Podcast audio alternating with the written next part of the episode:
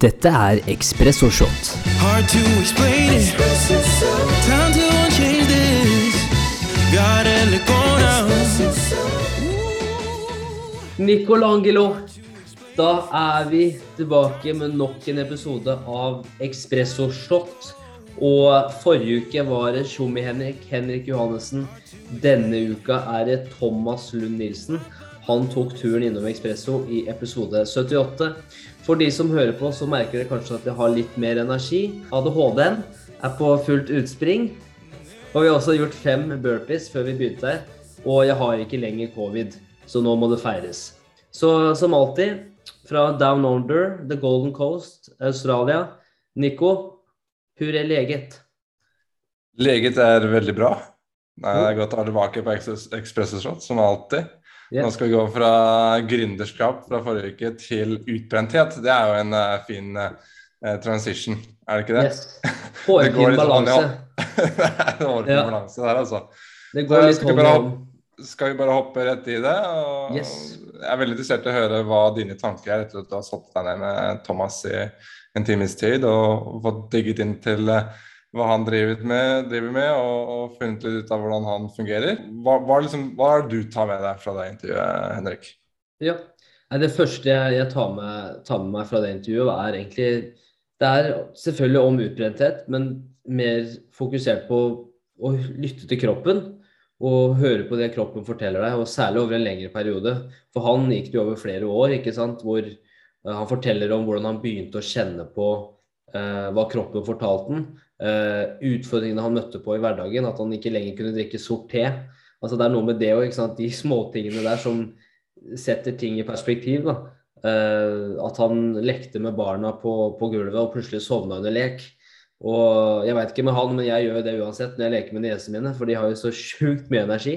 Men eh, poenget er ganske tydelig, da, at det var liksom de tingene som førte til at eh, kroppen til slutt sa stopp.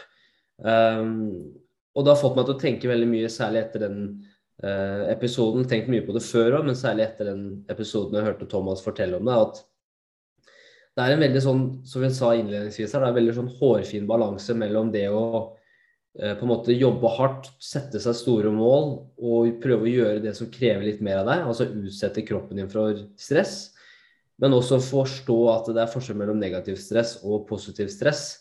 Og på en eller annen måte da, så må du utsette kroppen din for stress for å kunne utvikle deg. Du må utenfor komfortsonen, du må kjenne på det ubehagelige. Ellers så tror jeg veldig mange kommer til å kjenne på anger da, gjennom et liv, hvis de ikke har på en måte, tatt de sjansene og tatt de mulighetene de har hatt, og tørt å gjøre mer enn bare det som på en måte, enn det som bare er der. Da. Du må utfordre deg selv litt. Eh, Men så er det også det negative med det. sant? At hva skjer når du drar den strikken for langt over en lengre periode? Eh, Og når han fortalte om, om det, så jeg, skal jeg også ærlig innrømme at det, det er mye av det han har kjent på, jeg har også kjent på sjøl. Og jeg har vært veldig dårlig på å prøve å skape en relativt sunn på en måte, balanse da, mellom jobb og personlig liv. Og noen ganger så merker jeg at de linjene har liksom gått inn i hverandre. Um, og et eksempel på det, altså jeg hadde en samtale med, med HR-sjefen vår på jobb uh, for noen uker tilbake, og hun sa også at sant, du er en av de som har tatt minst ferie de siste årene. Og du ligger så i underskudd. Og det er sånn og da tro meg, jeg sier ikke det for å skryte, men jeg sier det mer for en idiot, for du får jo betalt ferie. så du er en idiot når du ikke gjør det. ikke sant? Eh, så, så det er bare veldig mange av de tingene har jeg kjent veldig mye på, um, og så videre, da. Men det, er, det, det høres jo ganske normalt ut. Det er en sånn derre Hva er det som gjør deg liksom, Du er jo bevisst på disse tingene her, så hva er det som faktisk får deg til å ikke f.eks. ta den uh, tiden av, da? Jeg tror det er mange Ja. som kan finne seg i den situasjonen. Altså For mange så tror jeg det, er en balanse. For det første så er jeg veldig glad i jobben min. Jeg, synes, jeg liker å jobbe. på en måte. Jeg syns det er viktig å jobbe. da. For, å, for meg så på en måte det å jobbe og på en måte skape noe og, og, og skape utvikling for meg, er bare sånn, det er veldig viktig. da.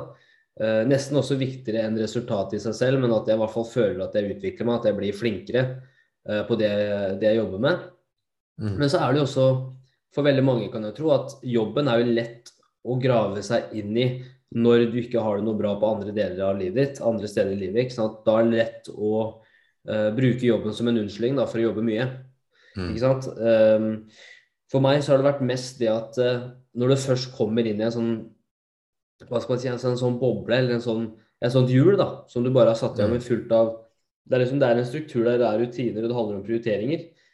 Så merker jeg også at det er vanskeligere å eh, på en måte det, eller snu det perspektivet da, til å tenke oi, vent litt her nå.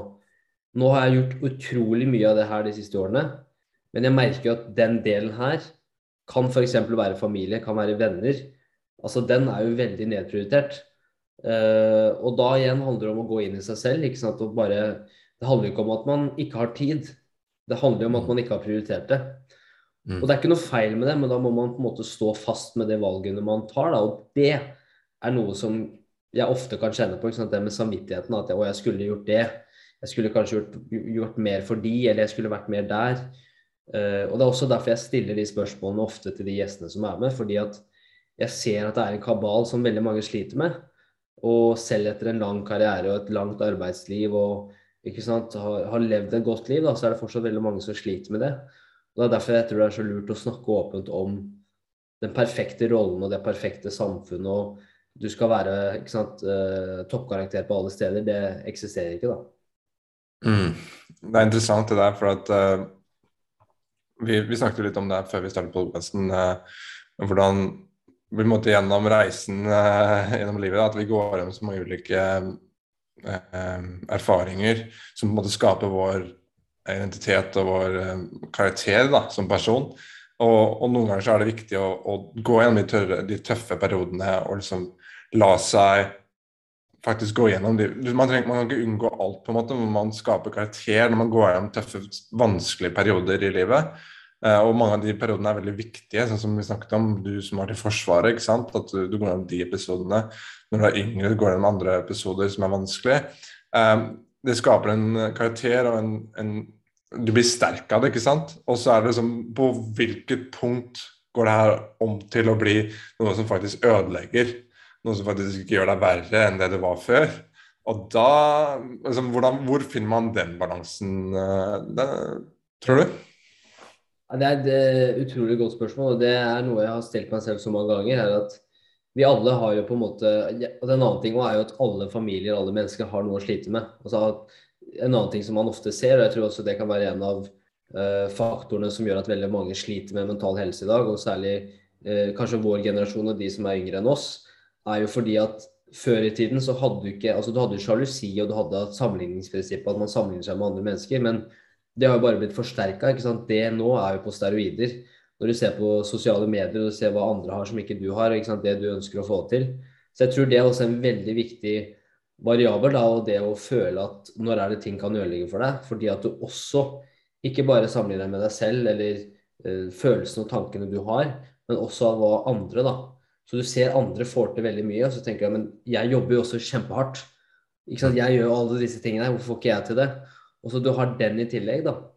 Um, men jeg tror for min del også har det vært veldig viktig å faktisk sette seg ned og tenke over at ok, det som har skjedd gjennom visse tider i livet Man har, man har to valg, så enkelt er det. da. Altså Enten så tar man læring og erfaringer fra det. Prøver å også dra det negative med seg, men da tenke over ok, hvorfor var det en negativ opplevelse. Og hvordan kan jeg sørge for at den opplevelsen ikke skal skje igjen i, i framtiden. Eller jeg ønsker å ta med disse tingene som jeg har lært av mine foreldre, som jeg ønsker å Eh, på en måte videreføre til neste generasjon, hvis jeg er så heldig å oppleve det. Og disse tingene ønsker jeg ikke. Så man prøver å ta litt positive erfaringer fra mennesker og forbilder man har.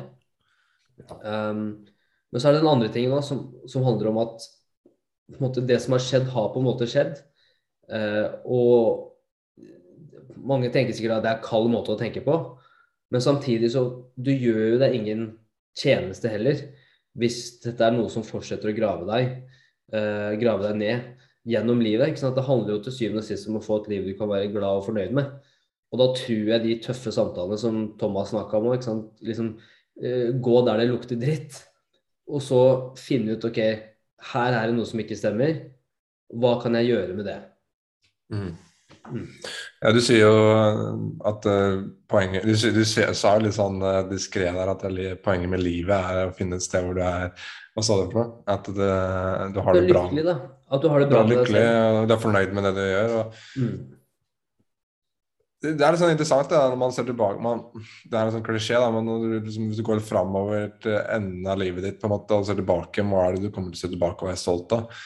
Um, men uh, Og det, det, var sånn der, det var interessant in, under intervjuet med Thomas, hvor han snakket om uh, måten han har levd livet på, og nå som han har barn, hvordan han uh, endret på den filosofien han hadde når han var yngre. da om var liksom jobbe Han, var jo han jobbet som politi og var i Forsvaret, var det det? Yep. Ja. Um, og hvordan fokuset på barna nå var liksom ikke uh, putte noe press på prestasjon, men det var heller med på liksom opplevelsene. Og så snudde han liksom på den filosofien litt da, i forhold til hvordan det var eh, tidligere i livet. Og det er jo det er veldig interessant. Og så er det liksom det er vanskelig å, å finne ut om er det, er det perfekt liv, liksom? Også hvis man ser tilbake på livet sitt og tenker sånn fader, jeg har brukt for mye tid med familie, jeg har brukt for mye tid med venner, jeg kunne gjort karrieren bedre. Så kan det være noe man angrer på. Og så andre veien så kan det være jeg har brukt for mye tid på karriere, for lite tid på venner og familie, så kan jeg angre på det også.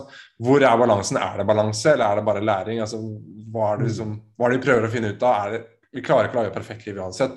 Så er, som, som, du snakker opp så mye på podkasten her, er liksom innvendig. Ok, Hvis du kan ha det bra med deg innvendig, så kan du på en måte deale med det eksterne, om det er karriere, familie, venner, hva det er, på en mye bedre måte. Du kommer kanskje ikke til å sitte og angre på hva du har gjort, fordi du tok vare på det indre først. da. Kjempe, kjempebra. og vi alle veit jo gresset er alltid grønnere på andre sida. Det er jo sånn man skal alltid ha man, altså sånn er det, Uansett hva det er for noe, så er det jo man har alltid lyst på det man ikke har selv. Og det man ikke har selv, virker utrolig mye mer attraktivt enn det man har foran seg. Uansett hva det er. ikke sant? Men det er derfor vi ofte snakker om det å være egoist, eller vi prøver å endre den definisjonen av hva det er å være en egoist. Fordi at altså, har du det ikke bra med deg selv, så er det sånn, og det sa jo Thomas òg, har du det ikke bra med deg selv, så kan du bare glemme å ta vare på andre. Altså, Det mm. spiller ingen rolle hvor mye du gjør for andre mennesker. Det funker sikkert en liten periode, men hvis du går hjem og føler deg helt jævlig for at du ikke har tatt de valgene du egentlig vet er positive for deg, eller hvis du lar andres meninger eller uh, på en måte krav eller uh, forventninger av deg som person styre hvordan du lever livet ditt, så er det sånn Det spiller ingen rolle om du får den personen til å føle deg bra hvis du går hjem og føler deg dritt. Mm. For at dessverre så Når vi skal ned i grava, så skal vi dit aleine. Det er mm. dessverre ingen som får vært med oss. Så hvis du går i grava og du føler deg dritt, eller altså La oss ta et par steg tilbake, da. Du, du ligger på dødsleiet og begynner å tenke over livet ditt, og, og, og, du føler at det er så mye du burde ha gjort, så tror jeg det kanskje også er en av de største liksom, sorgene du kan ha. da, For det, vi har liksom bare én billett. Uh, og jeg er jo ikke en særlig spirituell person. Jeg liker yoga og går litt ned i namaste-stillinger, det skal jeg innrømme eh, og puste og hei og hå. Men jeg er ganske sikker på at dette er bare ett liv vi har. Um, og derfor er det litt sånn Da må vi på en måte prøve å skape en, en uh, work-life balance, da, om du vil, som gjør at du også kan smile når du ser deg selv i speilet på kvelden før du skal legge deg. Uh, og jeg, bare, Det er så viktig den delen med å og Jeg tror også for mange så er kanskje meninga da å prøve å komme til et punkt i livet hvor man er, hvor man er, man er aleine med seg selv og man har det gøy. Mm. folk kan tolke det som de vil, men eh, det er liksom den Jeg tror den delen er så viktig, da, for at hvis du kan ha det gøy i ditt eget selskap, så tror jeg mye er gjort. Mm, det er sant. Å tenke på døden er liksom en trigger. Men altså Se for deg at du sitter med den Det er liksom bare én liten situasjon når du sitter på dødssenga liksom, og du er klar for å si ha det bra. Um, som, det er liksom bare én liten situasjon i hele livet ditt som kommer til å være lite gøy. å se tilbake og angre på hva du har gjort. Men det man må liksom forstå, er at det er alle de dagene, alle de timene, alle de minuttene før du er på dødssenga, som, som er det viktige. Det er liksom akkurat nå, da. Du må, liksom, du må nyte de sekundene, de minuttene, de dagene, de månedene og de årene før du ligger på dødssenga. Det er liksom nå det handler om.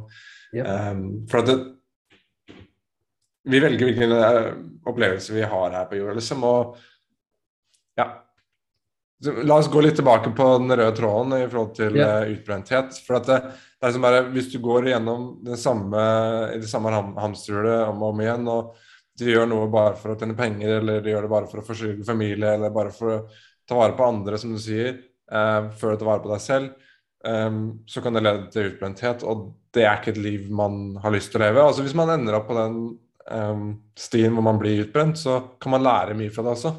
Så det er sånn derre Ja, selv om det er helt tydelig at det å bli utbrent ikke er den riktige veien å gå, så hvis man er der, og hvis, hvis man lander der, så eh, ta i hvert fall læringen ut fra det, for da kan det virkelig eh, endre måten du gjør ting på. For vi mennesker vi trenger at ting er smertefullt nok for å endre seg. Det er liksom Hvis ting er sånn halvveis komfortabelt Vi liker jobben, vi elsker den ikke, vi hater den ikke. Vi har penger nok til å overleve, til å betale for mat på bordet og forsørge familien. Så er det greit, da. Yep. Altså, sånn der, Vil du ha et helt greit liv? Nei. Nei. Du vil jo ha et fantastisk liv. Yep. Um, og så får du definere hva det betyr. Men det er liksom sånn, når vi har det halvveis komfortabelt, så er det så vanskelig å endre seg. Yep. Um, så noen ganger å, å bli utbrent og faktisk uh, gå på veggen er faktisk en blessing, da. Ja. Det er faktisk noe som du kan lære mye av som Jeg kjenner så mange personer som er så halvveis komfortable, som ikke tar noe valg. ikke sant? Du, du bare blir litt paralysert. Og Ja. det er, kaster, bort- du kaster bort så mye tid da, på den måten. Så det er nesten bedre å gå ned i gjørma og så bare tenke oi, det her var feil vei. Det her er jo helt feil. Mm. Nå må jeg snu om.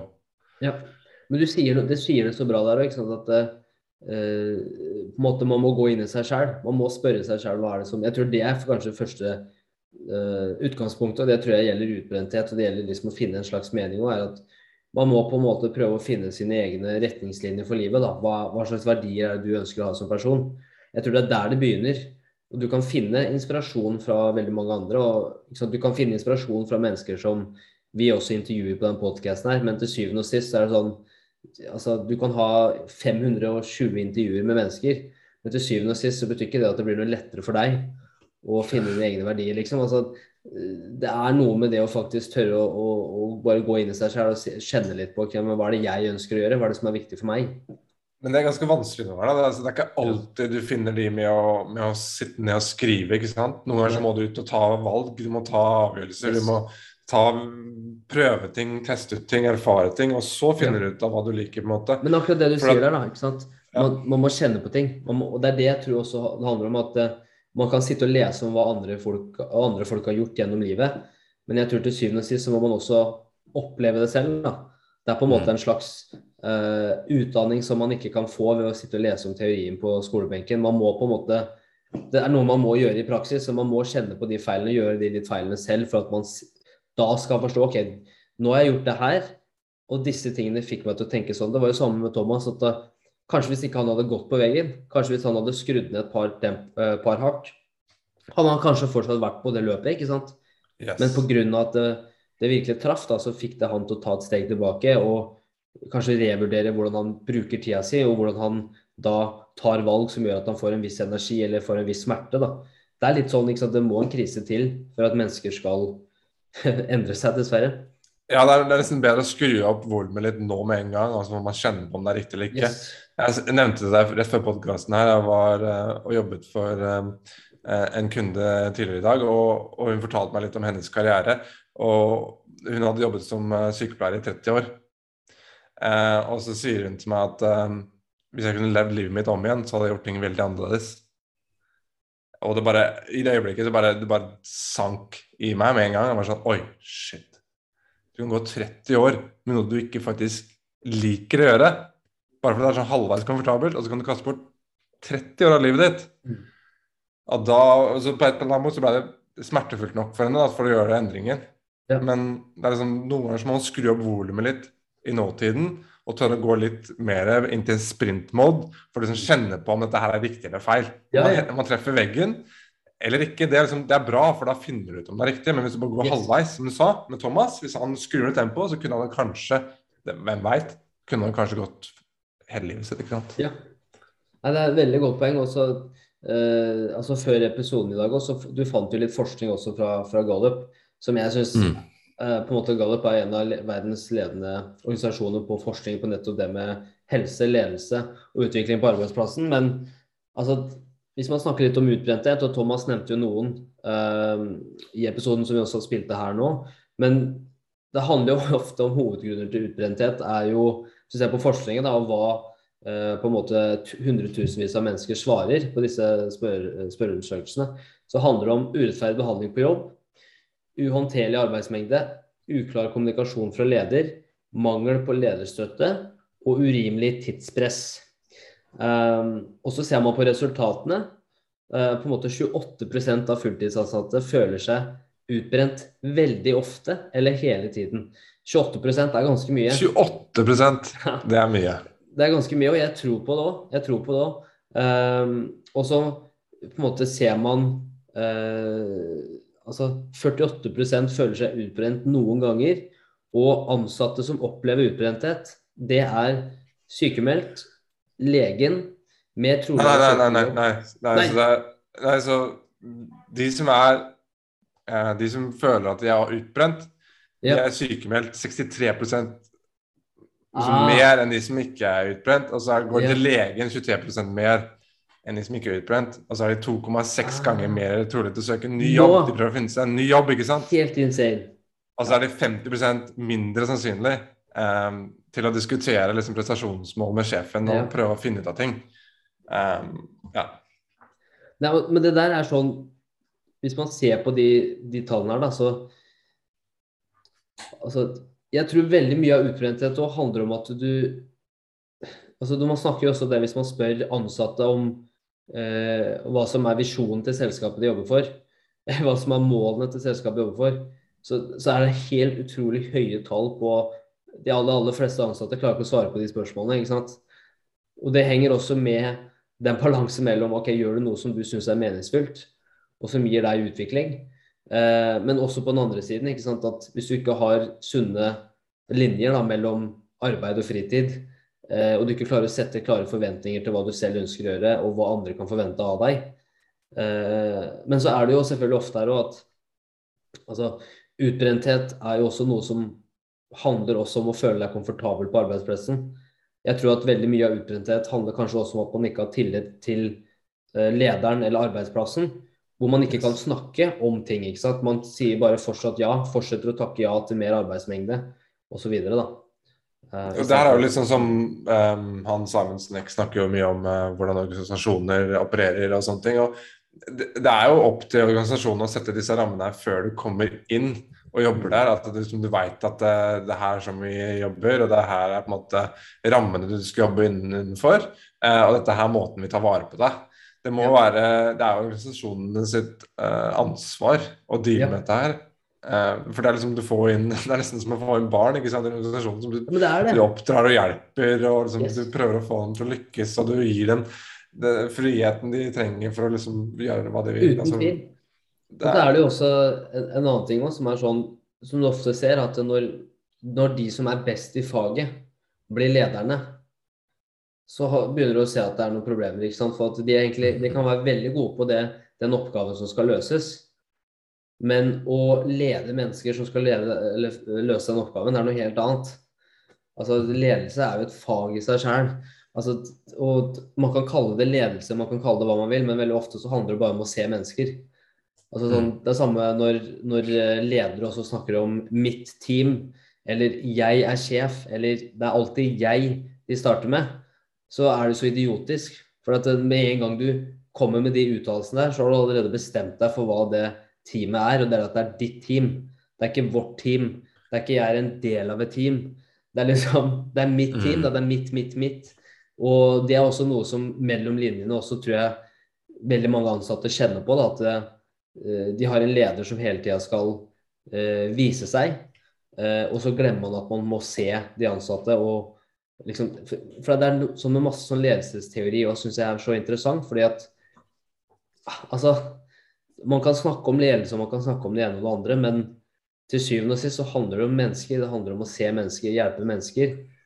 Og det er altfor mange som igjen da tenker på seg sjæl og glemmer at eh, Eller faktisk, de burde tenke på en annen måte når det kommer til seg selv. Og det at hvis jeg skal lykkes, så er det å ta vare på de ansatte som jeg jobber med, sånn at jeg får bedre resultater. da. Hvis man først skulle tenkt på det en egoistisk måte. Ja. Ja, men det er jo det. ikke sant? Det er jo kortsiktig sett. For, altså, jeg har jobbet for mange dårlige ledere. Mm. Eh, og, og fra min erfaring så kan jeg si at vet du hva, det er veldig kortsiktig tankegang. De, altså jeg vet med en gang når jeg kommer inn der og lederen ikke er på, på plass, så vet jeg at ikke sånn fysisk, men liksom mentalt, at han ikke er forberedt på å liksom, hjelpe de ansatte, um, eller legge til rette for dem. Da vet jo jeg med en gang at jeg skal ikke jobbe her lenge, jeg. Jeg skal bare inn og ut. Jeg skal bare være en liten periode mens jeg jobber med prosjekt på siden, tjene mine penger, og så gå. Mhm. Med en gang jeg kommer til en leder som faktisk legger til rette og bryr seg, og faktisk prøver å hjelpe og forbedre uh, de ansatte, så plutselig så ønsker du å være der. Du ønsker å være der, for du vet at du er sett du satt pris på, og du får utvikling og progresjon, ikke sant. Ja. Um, så hvis, hvis, de ansatte, nei, hvis de som faktisk driver butikken, ser på statistikken da, som vi har lest opp nå, um, så ser de jo det at f.eks. 13 uh, mindre, De ansatte har 13 mindre selvtillit i sin prestasjon når de føler seg utbrent. Um, det er liksom ting som du ser liksom, da, da snakker om prestasjon på daglig basis. ok? Eh, og så ser vi at de har lyst til å endre jobb, selvfølgelig. Og de går mer til legen, det er mer sykemeldt, så du vil ha mer problemer fordi det skal være flere som er sykemeldt. Du kommer til å få så mange langsiktige problemer da, hvis ikke du faktisk prøver å legge til rette for dette her i begynnelsen. Um, altså, ja, for meg så, når jeg har gått gjennom disse erfaringene selv, så har jeg um, hatt et større mål som har drevet meg, som, som jeg har vært heldig med. For at hvis ikke jeg hadde det målet, så kunne jeg blitt stuck i de jobbene. Så hvis du skal ta, legge ansvar på I bunn og grunn altså er jo ditt ansvar. Ja. Du velger hvor du går, du velger hvor du jobber. Um, så man må liksom ta fullt ansvar selv for å komme seg ut av det også hvis man er i en dårlig posisjon. For det, det er nok av oss som har vært i mange jobber over lang tid og på en måte blitt utbrent bare for at vi ikke har stått opp og faktisk tatt valg som eh, er vondt i kortsiktig tid, og så er det veldig ja, bra langsiktig, da. Ja. Jeg syns det er en ganske bra oppsummering også på, uh, på det intervjuet uh, med Thomas. Altså De som ikke har hørt intervjuet, som sagt, episode 78. Thomas Lund Nilsen snakker om utbrenthet vil anbefale alle som ønsker å lære litt mer om utbrenthet og faktisk eh, historier fra mennesker som har gått gjennom det. For jeg tror det er mye å hente der. Eh, og også særlig når han begynner å snakke om hva han selv kjente på og hvordan kroppen satte opp, så tror jeg veldig mange eh, som kanskje har kjent litt på de utfordringene mellom å skape en sunn balanse i hverdagen, kan få mye ut av det. Men eh, som alltid, Nico, det er herlig å ha deg med. Eh, er det noen siste final remarks? Det er alltid noe mer. Vi kan sitte og snakke ja. her i timevis, eh, Henrik. Yes. Uh, altså, det er noe vi ikke har tappa inn på som, hadde vært, som er veldig relevant akkurat nå. Det er jo akkurat hvordan uh, utbrenthet uh, foregår nå, da, under pandemien. om med helsearbeidere eller om, Altså, de er jo i, i, midten av dette her nå. og ja. Det er sånne ting som dette her som man kunne snakka om i evigheter. Mm. Um, og ting endrer seg jo litt. sånn Utbrenthet har jo endret seg kanskje litt fra hvordan det var før pandemien til eh, under pandemien. Mm. Um, men uh, i bunn og grunn så, så tror jeg vi har uh, dekket det som kanskje er mest viktig. Altså, som du alltid sier, så handler det om å gå på innsiden først. Ha det bra med deg selv, og ta de valgene som um, får deg til å ha det bra. Uh, og mm. tørre å ta valgene selv om det har konsekvenser for andre rundt deg. Helt enig. Kjempebra sagt, og også helt enig med helsefagarbeidere. De har uh, virkelig kjent på utbrenthet de siste to årene. Uh, og jeg tror også andre ansatte også som har hatt hjemmekontor. Og, og, det er også en annen ting med det her òg, som kanskje det er for de som også er single og, ikke sant, og også har vært på hjemmekontor aleine. Og at den, den balansen mellom da å stå opp om morgenen, gå to meter og sette seg på hjemmekontoret Altså, Du trenger ikke være rakettforsker for å skjønne at uh, det blir ikke noe hallelujastemning når du gjør det 360 dager i året. Så, Nei, så, det er også ting vi kunne gravd mye mer inn i. Uh, men til alle som har kjent på det her, we hear you, we feel you, and we mm. have the same experience as you, for å si det sånn. men Nico, takk for nok en episode. Vi ses neste uke. Og framover så skulle vi også begynne å titte litt på det å kanskje lage noen boksammendrag litt lengre episode hvor vi egentlig bare bryter ned bøker. Eh, og som alltid deler våre egne erfaringer. Jeg tror det kan bli kjempebra. Så vi får finne en, eh, eller legge en plan på hvilke bøker vi ønsker å angripe først. Da får vi litt pusterom, så vi kan snakke litt. Eh, Yes. Fader. ja. Hektiske hverdager, ass. Hello. Hello. Men til den gang, vi ses. Kos deg i sola. Du har fin brunfarge. Ikke misunnelig. Eh, og så ses vi neste uke. Det gjør vi. Okay. Ha det. Hei.